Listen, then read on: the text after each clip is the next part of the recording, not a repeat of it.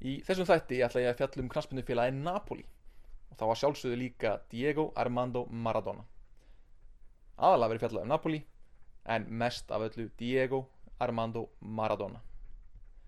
Ég heiti Björn Már Ólásson og þeir eru að hlusta á þáttinn Ítalski boltinn.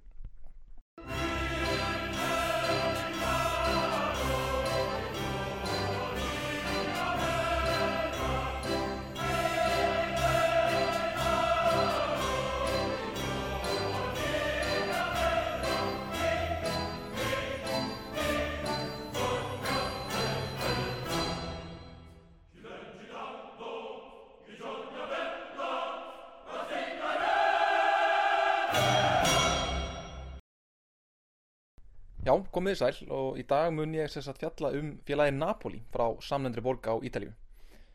Napoli, þessi góðsagnakenda borg, er á vestuströnd Ítalíu, rúmlega klukkutíma lestaferð suðu frá Róm í héræði sem heitir Campania. Borgin Napoli er einn elsta borg heims og var stopnuð af Gríkjum á bronsöld fyrir meir en þúsund árum, en meir en þúsund árum fyrir Krist. Grískum áhrifum gætir enni í borginni og meðal annars í litum knaspunnufélagsins sem eru ljósblár og hvítur. Napoli var um tíma sjálfstætt konungsríki og var líka á tíma undir e, spænska konginum þannig að það gæti talsverða spænskra áhrifa í borginni e, en var hluti af Ítalíu við sammenningu lands, landsins árið 1861. Borgin er líka svo borg á Ítalíu sem kom vest út úr sprengju árásum í setni heimstyröldinni. Í dag er borgin talin hluti af suðrinu á Ítalíu, hluti af menningarlega tengsl við suður Ítalíu og er mikill munur á Napoli og borgunum í norðri eins og Milano og Torino. Borginni hefur verið illa stjórnað í mörg ár og marga áratugi og sagfræðingar telja að það með spillinguna sem að grassirar í stjórnkerfunu þar megið mér að segja rekja til gamla, gamla konungsríkisins Napoli en það þótti eitt spiltasta konungsríki sem uppið hefur verið. Frægasta dæmið um spillingu nú á dögum er sennilega eitthvað sem margir hafa lesið um þegar sorphyrðaði borginni fórt í fjandans fyrir nokkrum árum síðan eftir að mafjan hætti að hyrða ruslið þar sem þeir höfðu, höfðu ekki meira pláss til þess að farga ruslinu þá flætti ruslið á gödum borgarinnar. Og þeir sem hafa lesið Napoli bækurnar eftir e, dúlafulla rítöfundin Elenu Ferrante sem eru gríðalega vinstælar núna um þessa myndir vita að borgin býr yfir allskynns lutum sem eru ekkit sérstaklega fallir og mafían er það kannski fyrirferða mest hún ræður ríkjum í borginni og margt er ófullkomið og skítugt en það er samt einhver óutskýranlegu sjarmi hérna sem er í borginni sem er mjög erfitt að miðla í einu litlu podcasti. Borgin er fjórða stærsta yðnaðaborg Ítalju og eftir Milano, Torino og Róm. Og stærsti yðnaðurinn í borginni tengist skipahöfninni en gríðalegu fjöldi flutningarskipa fer um höfnina á hverju ári. Og í gamla daga sildu Íslendingar mikið til Napoli og sig að við skipasmíðastöð sem var þar í borginni. Síðustu ár hefur líka landbúnaður verið að aukast á svæðinu og eru vörurnar frá kampanjaheraðinu seldar til fleiri markaða. Napoli er mjög sérstök borg sem ég er svo heppin að hafa heimsótt og besta leiðin til að lýsa borginni er held ég bara kás. Það eru margar fallega byggingar í grunninn en það eru margar í niðuníslu, búið að skrifa og tekna á þar margar og gott dæmi um Napoli í borginna er sannlega stóra torki sem að blasir við þegar þú gengur út úr aðal lestastöðinni í borginni. Það er stórt tork og risastór stitta af Giuseppe Garibaldi sem er maðurinn sem að saminað Ítalju og torkið er nefnt eftir honum. Þannig stittur má reyna að finna í flestum borgum á Ítalju að þessari sjálfstæðis hetju Ítalju. En þessi stitta er stött á miðju ringdorki og það er búið að koma fyrir svo mörgum rafmakslínum í kringum stittuna að það er eins og að sé bara verið að kirkja sjálfa sjálfstæðishetjuna. En snúum okkur að knaspundinni. Já, knaspundufélagi sem við þekkjum sem Napoli í dag var stofnað árið 1926 en sögufélagsins má rekja enn lengra aftur í tíman og það er mjög góð ástæða fyrir því að ég ætla einmitt að gera það. Napoli var sér til með samruna nokkura félaga þar að meðal félagsins Naples FC sem hefur vendarlega verið stopnað að breskum sjómönnum eins og mörg önnur félög á Ítalíu. Og árið 1912 leik Íslendingur með FC Naples, fyrsti íslenski knaspbytumæðurinn á Ítalíu og reynar fyrsti íslenski landslýsmæðurinn í knaspbytni sem hétt Samuel Torsteinsson. Hann var sonur Adanamannsins Péturs Torsteinssonar og ástildar Guðmundsdóttur. Pétur stundaði viðskipti á Íslandi og í Danmörku og Samuel ólst að mestuleiti upp í Kaupmannahöfn og lærði þar læknisfræði. Hann átti sískininn Frithjóf og Gunnar meðal annars sem voru báðið knaspbyndumenn og gengdu formensku í knaspbyndufélaginu Fram og Samuel æfði líka undir merkjum Fram á Íslandi. Þekktasti bróðir Samuels er eins vegar listamæðurinn Guðmundur Pétursson Torstensson sem er betur þekktur sem Muggur. Samuel leki í Danmörku með AB eða Akademisk Bólklub sem var knaspbundufélag Kaupmannahafnar Háskólans og árið 1912 dvaldi hann í Napoli á Ítalju hjá sýstu sinni. Þar æfði hann og kefti með félaginu FC Naples og tók þátt í Ítalju meistarakefninni og lendi þar í öðru seti með liðinu í söður deildinni á Ítalju. En Samuel dvaldi bara í Napoli tímabundið og sem unglamp heim hann aftur snýr úr Ólofs ferð til Napoli eins og Haugum Motten söng og árið 1918 var Samuel svo valin í danska landsliðið og var hann þannig fyrsti landsliðsmaður Íslands fyrir Danmörk. Árið 1919 kom Samuel með Akademisk bólklub til Íslands og kefti við lið þróttar á meilavellinum. Í íslenskum fjölmjölum var hann um líst á þennan veg sem knaspunumanni Hann er hægri út framherri í sveitarinnar og er sérstaklega þekktur fyrir sín snöggu áhlaup og snild í að reykja knöttin. Fjórum sinnum hefur hann tekið þátt í milliríkja keppni. Og fyrir þá sem að hafa áhuga á sögu Samuels, þá skrifaði Stefan Pálsson sagfræðingur mjög áhugaverða greinum um hann í frettablaðið fyrir tveimur ánum síðan og við getum fundið þessa grein á netinu. Félagið Napoli eins og við þekkjum það í dag var semst að stopnað árið 1926 og tók þátt í Serie A frá því hún var stopnud árið 1927 og fyrstu árin var hetjaliðsins Paraguayin Attila Salustro sem var markaðasti leikmaður í sögu Napoli í marga áratvíi eða alltaf til Maradona kom til sögunar og þið getið tekið rólega því það verður nóg fjallað um Maradona hérna eftir. En nú hefur líka Marek Hamsik slegið markametið hans Salustro Salustro kom frá ríkri fjölskyldu í Paraguay og pappans vildi alltaf að hann erði aðdurum var í knaspinu Hann spilaði með fyrirrennara Napoli og síðan með Napoli frá stopnun. Það sem Salustro var frá svo efnaðri fjölskyldu þá ákvaði hann að þykja ekki laun fyrir að spila með Napoli. En fórsetið liðsins launaðanum framistöðu sína með öðrum hætti eins og með sportbílum og íbúðum. Yngri bróður hans spilaði líka með Napoli en hann var ekki jafn góður á bróður sinn og gekk alltaf undir viðnefnu Salustro nr. 2 eða Salustro nr. 2. Fyrstu árin var Napoli þjálfað af ennskum þjálfara sem heitir William Garbutt og undir hans stjórn gekk, gekk liðinu mjög vel og þeir endu tvísvar í öðru sæti í deildinni en þeir unnu aldrei þeir lendu síðan í vandraðum áður en setni heimsturöldin skall á og fjallu úr deildinni og saga Napoli eða allt þar til Maradona kemur til liðsins er ekkert sérstaklega mikið að fjalla um þeir voru dæmdi niður um deild fyrir mútunheggsli en uppi úr 1950 fór þeim að ganga þokkalega aftur og þá spilaði með liðinu frægur svíi sem að hétt Hasse Jeppsson Hann er einn af þessum svíjum sem spiluðu á Ítalíu á þessum tíma og gerði Garðin frægan. Hann leik með sænska landsliðinu á heimsmyndstarramótunu árið 1950 og náði síðan þeim, þeim árangri að vera dýrasti leikmaður heims þegar hann var keftur til Napoli frá Atalanta á 105 miljónur líra. Vegna þess að hann var svona dýr þá fekk hann viðunefnið Obanku e Napoli eða Bankin í Napoli. Árið 1962 var Napoli síðan ítalska byggarinn með sigri á Spal. Spal var á þessum tíma með frábært lið spilaði í efstu deild. Síðan fjallur úr deildinni en núni ár eru þeir einmitt aftur komin upp í serju A í fyrsta skipti í 50 ár.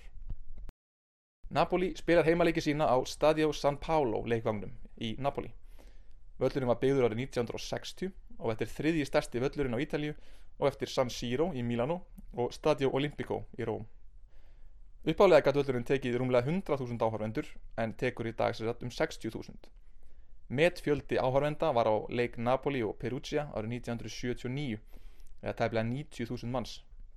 Völdunum var notaður í riðlakeppni á olimpíuleikunum í Róm árið 1960 og eins og allir betri vellir á Ítalju er hann að sjálfsögðu með góðri hlaupabröð. Hlaupabröðir fá mikið skýt frá íþróttafréttamönnum en þú finnur ekki betri leið til að fagna marki en að stökka yfir auglýsingarskiltina á San Paulo, spretta yfir hlaupabröðina upp að trefjagleirinu sem aðskilur leikmennina og brjálaða áhörvendur. En nógum það. Völlurinn var sennilega þekktastur fyrir leik Argentínu og Ítalju á HM 1990 þegar Maradona sló Ítalju út úr heimsmyndaramótinu. En við munum koma betur að því síðar.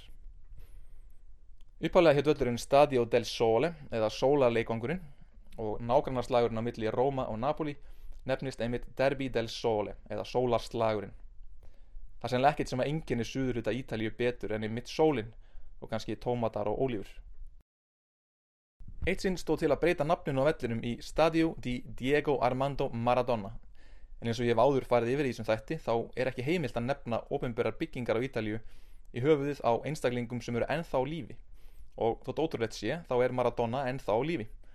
Þannig að það er ekki fyrir en hann verið búin að vera látin í að minnstakosti tíu ár sem það verður hægt að breyta nafninu á vellinum. En ég held að sé bara tímaspjósmál um það hvenar það verður gert.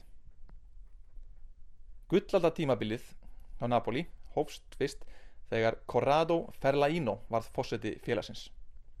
Corrado Ferlaino var verkfræðingur á ment og mikill nákvæmnismæður. Það segir talsveit mikið um rótið á Napoli bæði félaginu og borginni að Ferlaino var fyrsti fósetti liðsins til að lifa til að verða eldri en 50. Hann var frekar vel efnaður maður en samt ekki einna ríkustum mönnum borgarinnar. Frændi hans var e, dómari og hafði verið skotin af mafjúni eftir að hafa dæmt vittlesan mann í fangilsi greinilega og þannig að margir telja að Ferlaino hafi einfallega kift félagið af sögum ástæðu og margir telja að Roman Abramovits hafi kift Chelsea.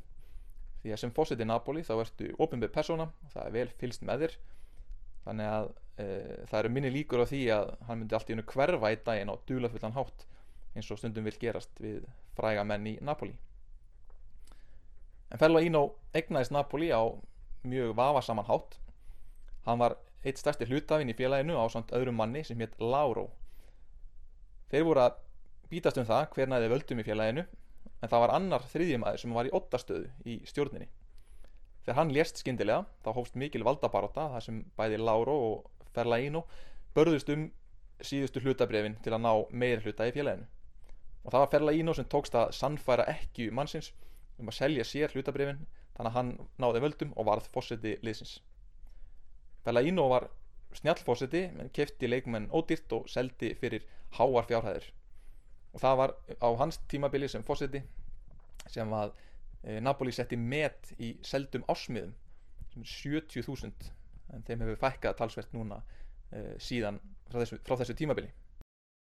Eins og ég sagði á hann þá gekk Napoli ekkert sérstaklega vel svona eftir setni heimstyröldina og þeir voru aldrei raunverulegri mikill baróttu um Ítalíu meistara titilinn. Þanga til, félagi fekk allt í einu eitt góðan veðudag árið 1984 tækifæri til að kaupa besta leikmann heims og kannski besta leikmann allra tíma. Stundins með Napoli er allan að sannfæra um það að þetta er besti leikmaður allra tíma. Fellaino var sem sagt fórseti félagsins og það er sagt vera næst stærsta staðan sem getur haft í borginni og eftir borgastjóranum og kannski á eftir líka erkibiskupnum í Napoli sem heitir í dag Crescenzio Sepe sem er mikill stuðnismæður Napoli og heldur oft langa ræður um Napoli í, eh, þegar hann messar yfir fólki í Napoli. Eins og ég sagði eins og ég kem inn á betur eftir þá eh, elska íbúa Napoli góða samsæriskenningar og halda mikið upp á hjátrú og trúalega tengingar. Og verndardýlingur Napoli búa er heilagur Januarius Sagan segir að einni konu hafi eftir að heilagur Januarius lést tekist að geima smáaðis á blóði hans í lítilli kapsúlu sem er gemd í Napoli.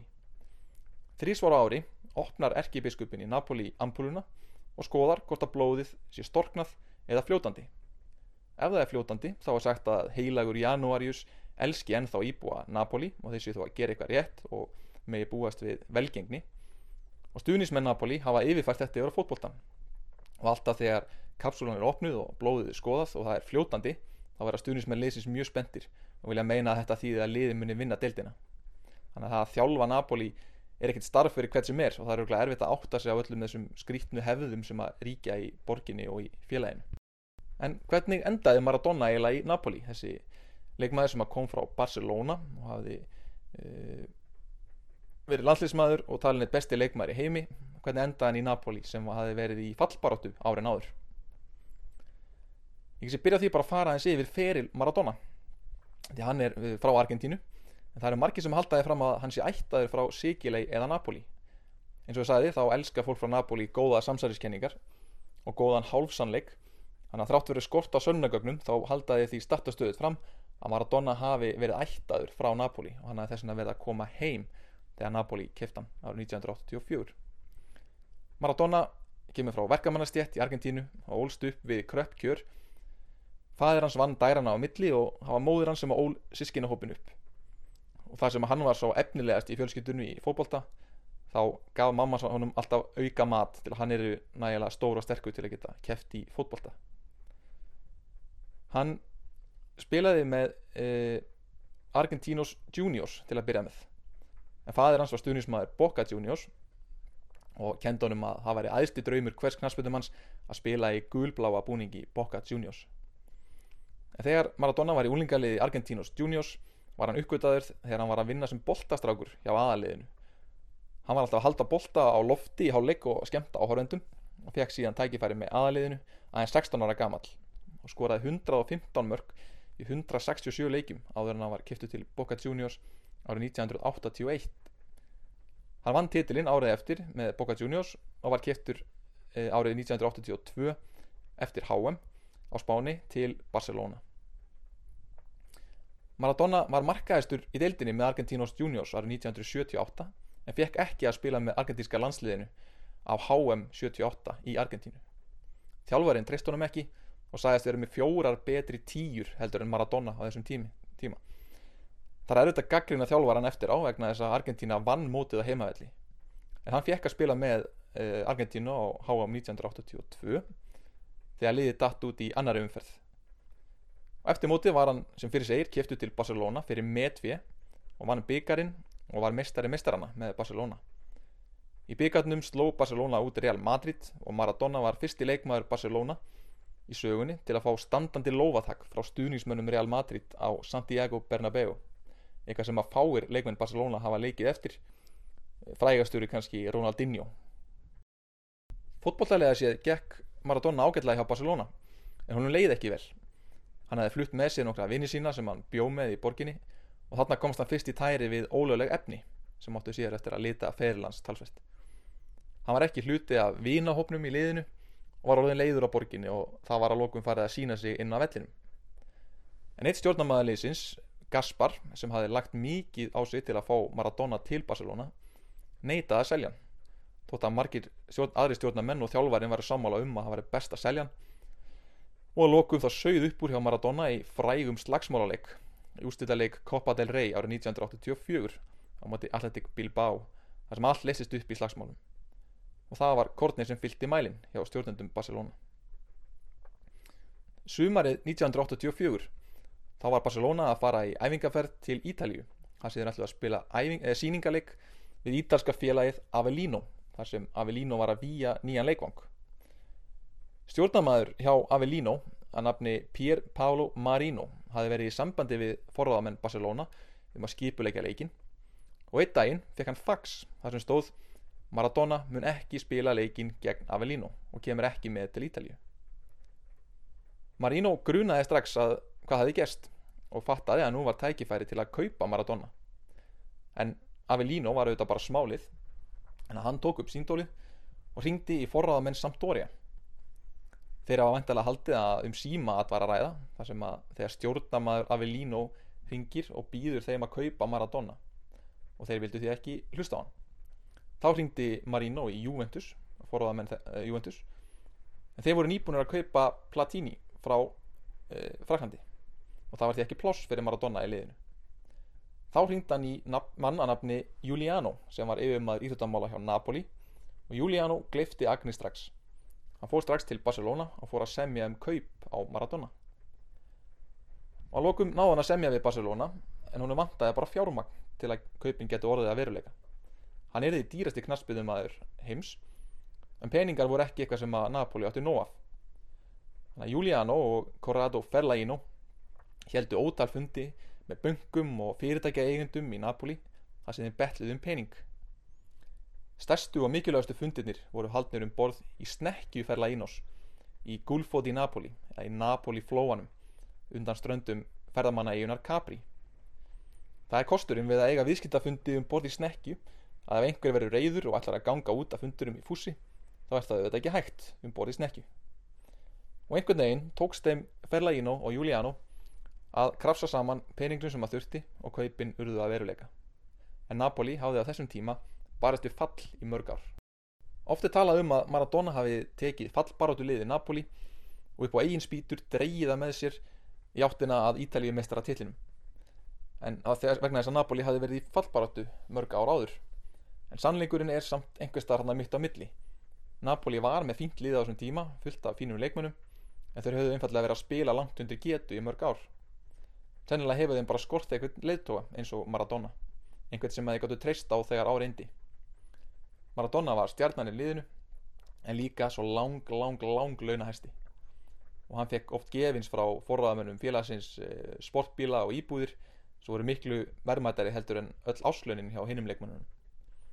En hann er líka sæður hafa verið mikill prinsipmaður og nokkur sinnum fór hann fyrir leikmannaverkföllum þegar einhver leikmaður í liðinu hafði ekki fengið útborgu launin sín á réttum tíma. Fyrsta tímabili hjá Maradona gekk ekki sérstaklega vel og liðið endaði í áttundasæti en honum var tekið vel og stuðnismenn sáu strax gæðin sem hann bjóði yfir. Þá ákvað uh, Giuliano að skipta út þjálfaraliðsins og fekk til sín Ottavo Bianchi til að þjálfa liðið. Og undir hans stjórn þá vann Napoli deildina árið 1987 í fyrsta sinn. Og þetta var ekki bara í fyrsta sinn sem að Napoli vann heldur í fyrsta sinn sem lið frá Suður Ítalíu vann Ítalíu mestara titilinn þannig að titilinn var miklu stærri heldur en bara eitt titil titill og ég get rétt ímyndað mér fagnaðalætin og hátíðirnar sem hafa brotist út þegar titillin var í höfn. Og Napoli vann ekki bara deildina þetta árið heldur líka byggarinn, sem sagt tvennuna. Og var þetta í aðeins í þriðja skipti í sögunni sem að lið á Ítalíu vinnur þrennuna með Maradona hjá Napoli á þessum tíma voru leikmenn að borð við Ciro Ferrara sem margir kannast við. Hann er, var varnamæður sem átti síðan eftir að spila með Juventus í meirinn tíu tímabil. Hann var harðhaus að gamla skólanum með Maradona í framlínunni voru þeir Bruno Giordano og Andrea Carnevale. Þetta eru ekki stærstu nöfnin en saman mynda þessi nöfn skamstöfununa Magica Maradona, Giordano og Carnevale. Eða Magica því eru þetta galdratnir bæði Giordano og Carnevale áttu sín bestu ár hjá Napoli með Maradona. Þeir kannski pössuðu bara vel við hliðin á honum inn í liðið en síðan átti ferill þeirra beggi eftir að líka frekar hratt af við. Kannski var það einmitt það sem að gerir þennan títil Napoli svona skemmtilegan. Andrea Carnevale var seldur frá Napoli til Róma stuttur setna en fjall síðan á Liviaprófi fyrir kokainótkun eitthvað sem hann komst í kynni við hjá Maradona segi sæjan en þessi Carnevale er í toppmálum í dag þar sem hann starfar í dag sem yfir njóstnari hjá Udinese. Og hver veit nefn að það hafi verið hann sem hafi haft fingum með í spili þegar Emil Hallfriðsson var keftur til nesi Næstu tvö tímabilin eftir á endaði Napoli í öðru sæti í deildinni. Og í annarskipti voru þeir grátlega nálætti að vinna titilinn. En sagan segir að vegna veðmál á svindls hafi félagið einfallega gefið síðustu leikina sína og nóg er að slíkum samsæliskenningum á Suður Ítalíu. En árið 1990 kórunaði Maradona statusinn sem konungur í Napoli með því að vinna titilinn aftur. Þá spilaði hann í framlínunni með e, brasilíumanninum Careca og á samt öðrum ungum litlum ítala sem heitir Gianfranco Sola sem við fjalla betur um hér á eftir. Maradona spilaði svo með Argentínu á HM 1990 á Ítalju þar sem hann sló Ítalju út eins og fræktir orðið og sá leikur var spilaður einmitt í Napoli. Í, á þessum leik var meðal annars púað á ítalska þjóðsvingin og allir stuðnismenn e, frá Napoli sem voru á leiknum heldu með Argentínu, heldu með sínum manni Maradona. Og þar hjekk borði af vellinum. Ítalija er okkar land en við elskuðum þig, Diego Tímabilið eftir þetta þá vestnaði allt. Hann fjall á Livjaprófi árið 1991 og hann lendi í orðaskaki við fórsetafélagsins og taldi marga á Ítalju vera hefna sín eh, gegn honum með hann að stómara eh, vegna þess að hann sló Ítalju út á HM 1990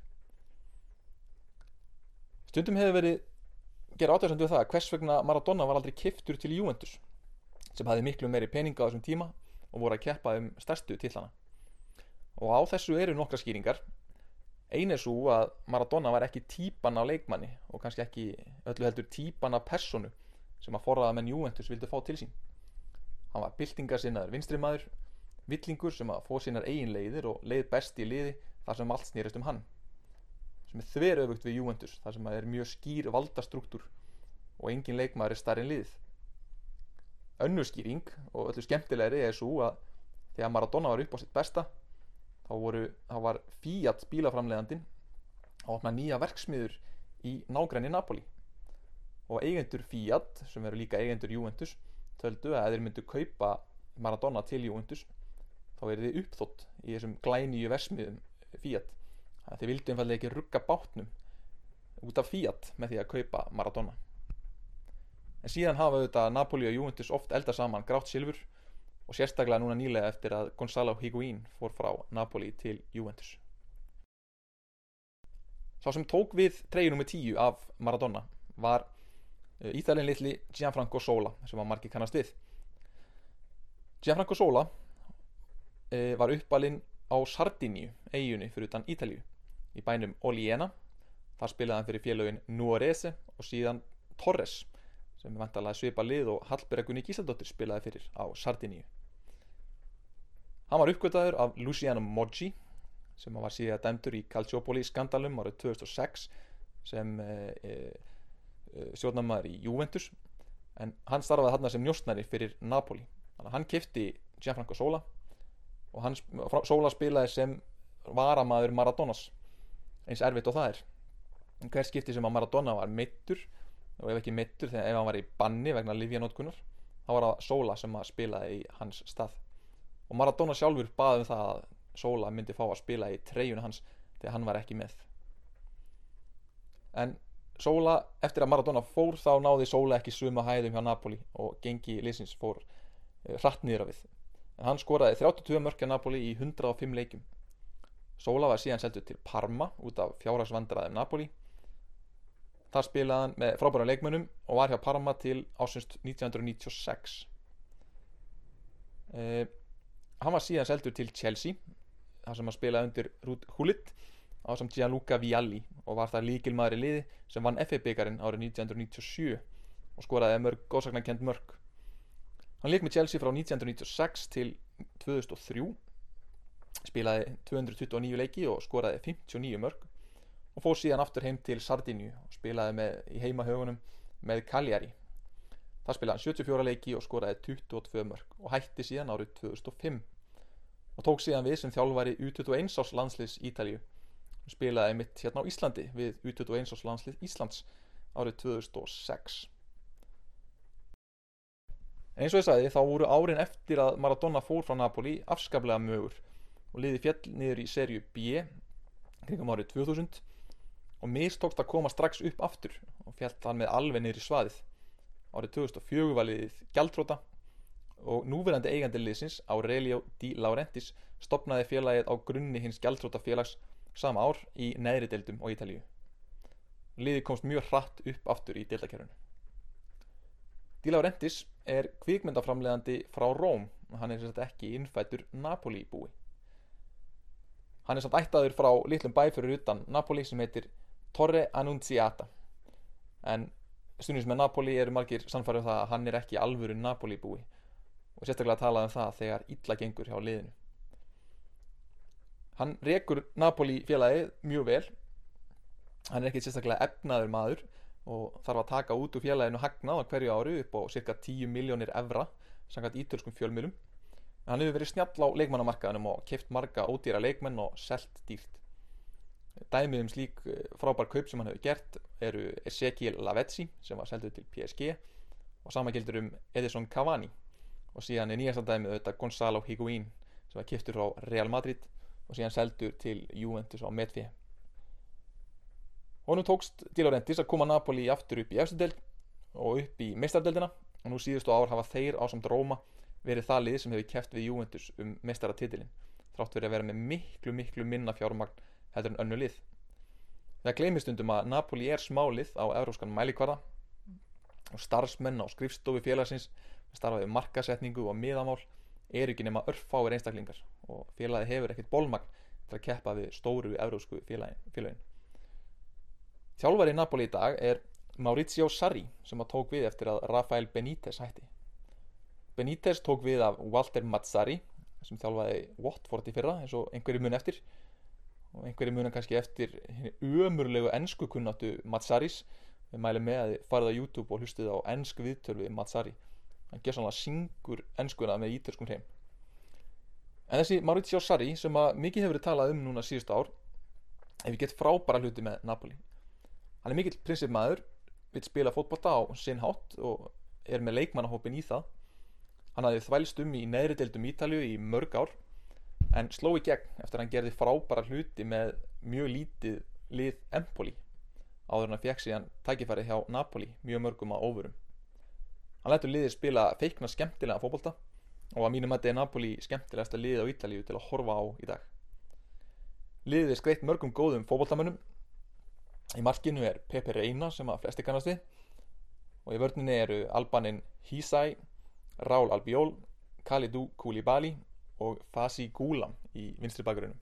En bæði Gulam og Koulibaly hafa verið orðaðið við hvert stórlið að fætur öðru og það skal lengar undra á miðjunni í 4-3-3 leikkerfi Napoli spilar Jorginho sem er ítalsku landslýsmæður eh, á brasilíska fóreldra en er uppalinn í Ítalíu allar sína æfi með honum á miðjunni er Marek Hamsik sem er fyrirliðin sem kom frá Brescia fyrir mörgum árum síðan sem djúpur miðjumæður en er í dag eitt beittasti sóknarmiðjumæður Európu og loks er það miðjumæðurinn e, Brassin Allan sem að sér um skýtavinnuna sem kom frá út í Nese á mjög lítinn penning fyrir nokkrum árum síðan.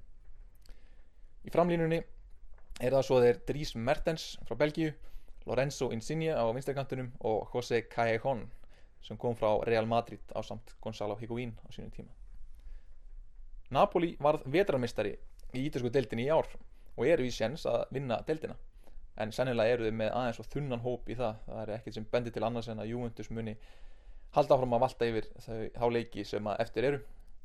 En ef að þetta suður ítalska lið Napoli vinnutítilinn þá ætlum ég að stökka í fyrstu flugveld til Ítali og fylgjast með fagnarlátunum frá fyrstu hendi. Það er alveg klart mál. Það er mjög spennandi að heimsækja Napoli. Ef þú manns bara ganga á réttu gödunum en ekki gangin í rángar hlýðagötur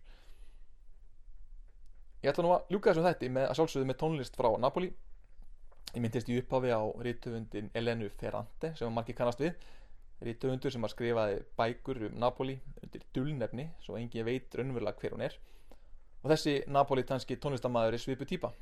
Gríðala vinsætli í Napoli. Og tónlistamindböndin sína borgina í sinni allra, allra fallegustu mynd en engin veit hverju sem maður er en ég þakka fyrir mig. Og ætla að reyna að vera með eh, nýja þátt sem allra fyrst og ef þið hafið tilhugur að því hvaða liði viljið að fjalla verðum næst bara endilega hafið þið samband annarkost á Twitter eða Facebook. En þessi þáttur endar að þetta á læginu frá Napoli sem heitir Gaiola Porta Fortuna með Liberato eða Frelsaranum. Takk fyrir mig. Ma non chiagna più Te porto sotto la luna. Non ride più Gaiola porta fortuna. Uh, Sotto la luna. Gaiola porta fortuna